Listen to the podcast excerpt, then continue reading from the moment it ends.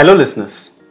I'm Raghav Dasagari, a practicing advocate with the High Court at Hyderabad, India.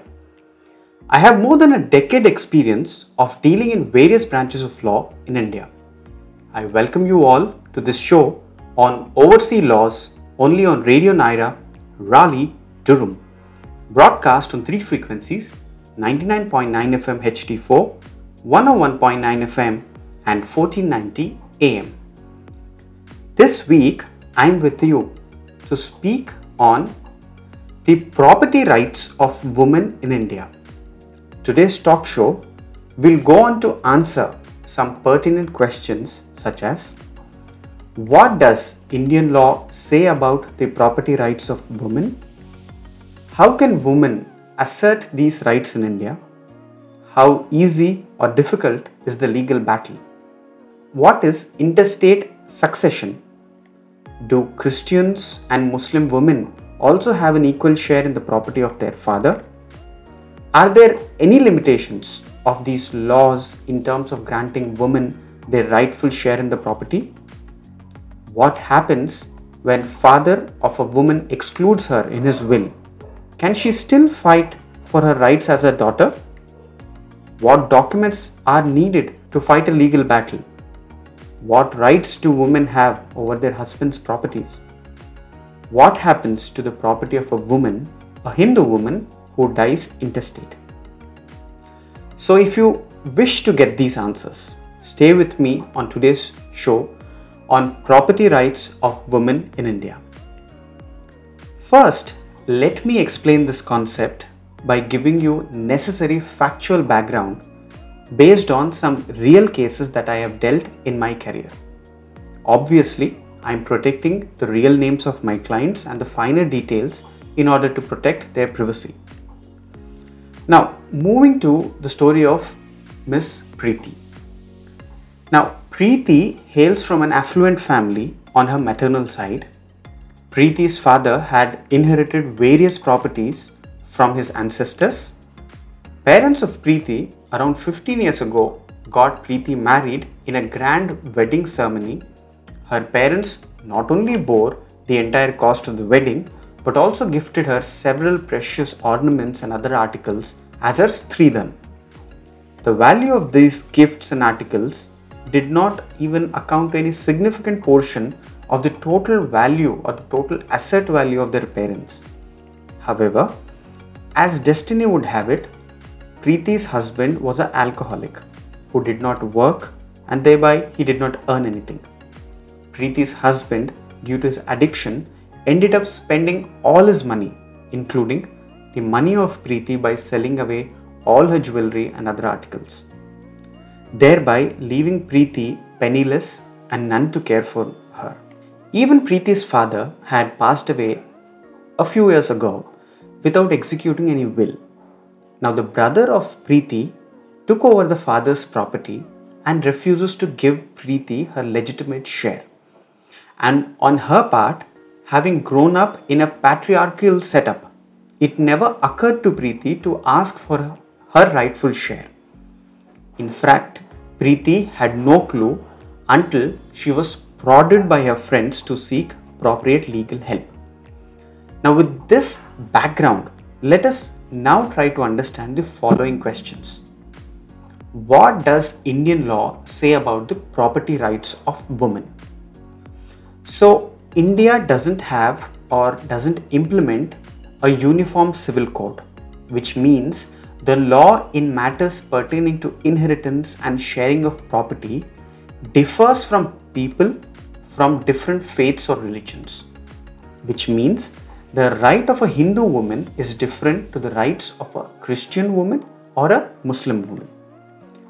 The two important laws in regard to property are the Hindu Succession Act of 2005 and the Indian Succession Act of 1925.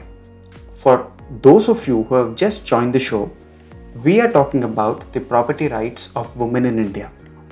Now, before getting into the nuances of various laws relating with property rights, we must understand two basic legal terminologies, and they are testamentary succession and the intestate succession.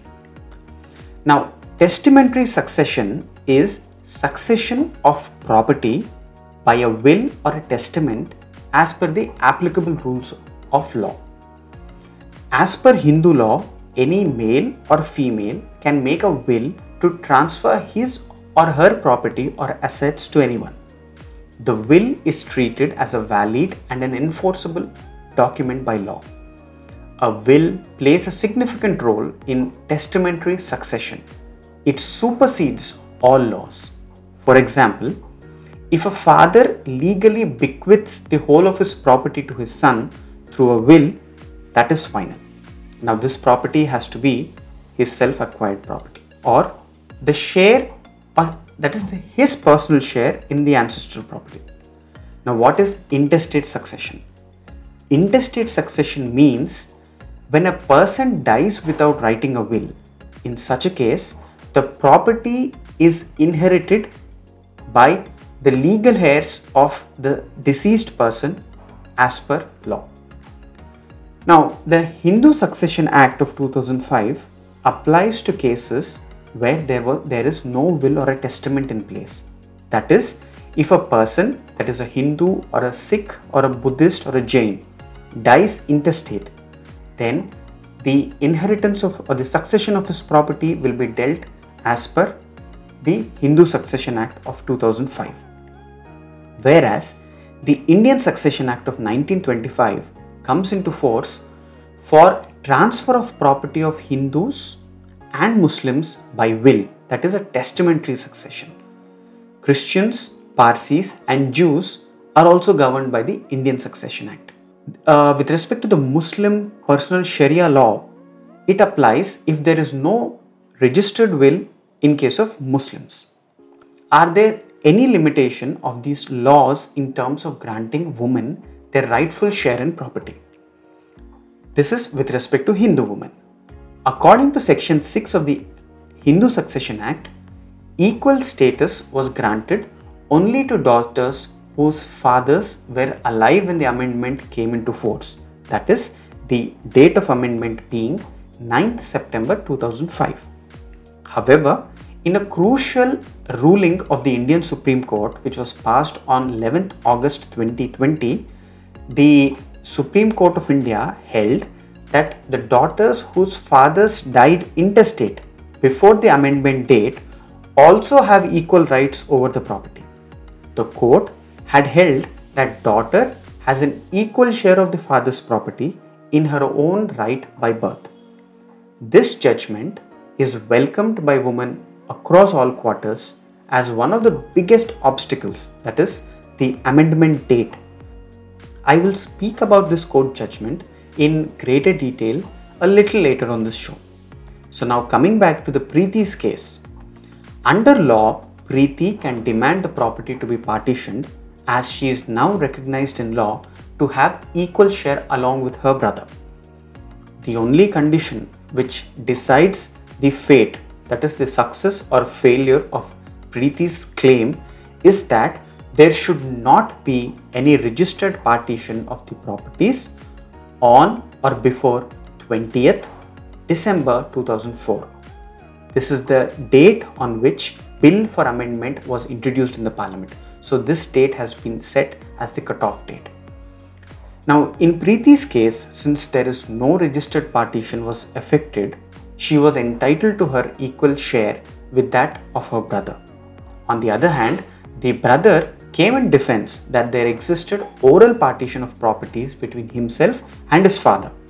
However, this defense was not accepted, as in law, only registered partitions which have happened on or before 20th December 2004 is the condition that is imposed in law.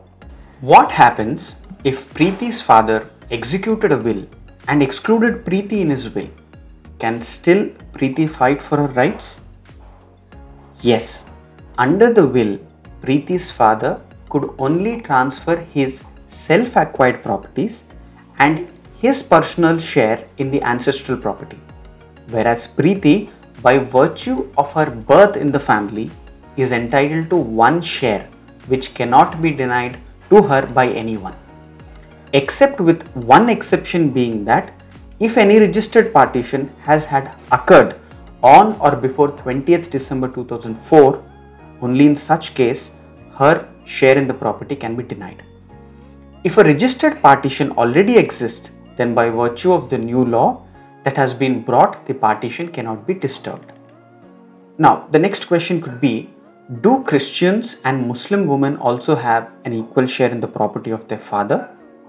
Well, a daughter is entitled to inherit an equal share as a son in the Christian law. But there is a need to re examine the Muslim woman's right to property. A, a, Muslim daughter receives only half of the share of a son. Even if the father wants to give her an equal share through a will, existing laws do not permit it. Now, how to fight the legal case? A woman in such a situation must seek legal help by approaching a lawyer, explaining her case, supplying documents of the property if she has in her possession, or even if such documents are not in her custody, the lawyer will still be able to guide her how to obtain such documents which are necessary for filing of a case to seek her share in the properties. We are taking a quick break and we'll be back after these messages. After the break, I will tell you what are the rights of a widow? Can she remain in the family house after the demise of her husband? And what happens to the property of the woman after her death? So please stay tuned with us.